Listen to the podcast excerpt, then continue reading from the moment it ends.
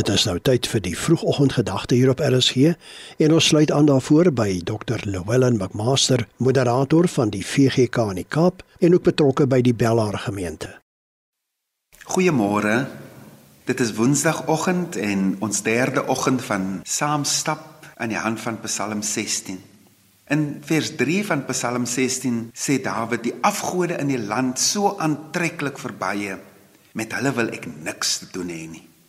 Vir afgode sal ek nie bloedoffers uitgiet. Hulle naam sal ek nie op my lippe neem nie. Dawid sê dis nee vir aantreklike afgode.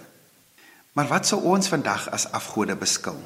Dis 'n algemene verstaan vir ons as gelowiges dat afgodery is om God se werke eerder as God self te aanbid.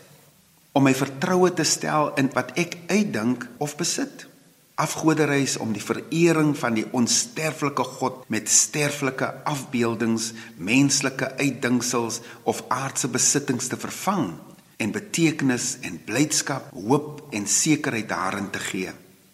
Die kerkvader Johannes Calvin het ons herinner dat ons hart voortdurend 'n fabriek van afgode is.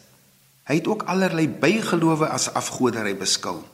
Calvin het verder gegaan en selfs kerke wat nie by die waarheid van die skrif bly nie beskou as tempels van afgode omdat hulle valse leringe die plek van die waarheid van die ware God ingeneem het. Mense wil amper sê, "Sjoe, maar hoe dink jy daaroor?"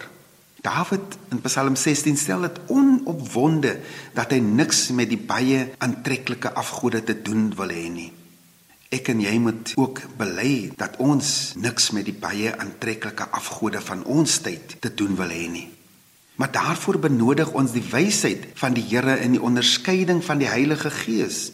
Juis omdat dit nie altyd maklik is om te onderskei tussen goed en kwaad nie. Tussen reg en verkeerd, ware godsdiens en vals godsdiens, want dit lyk dikwels so baie na aan mekaar.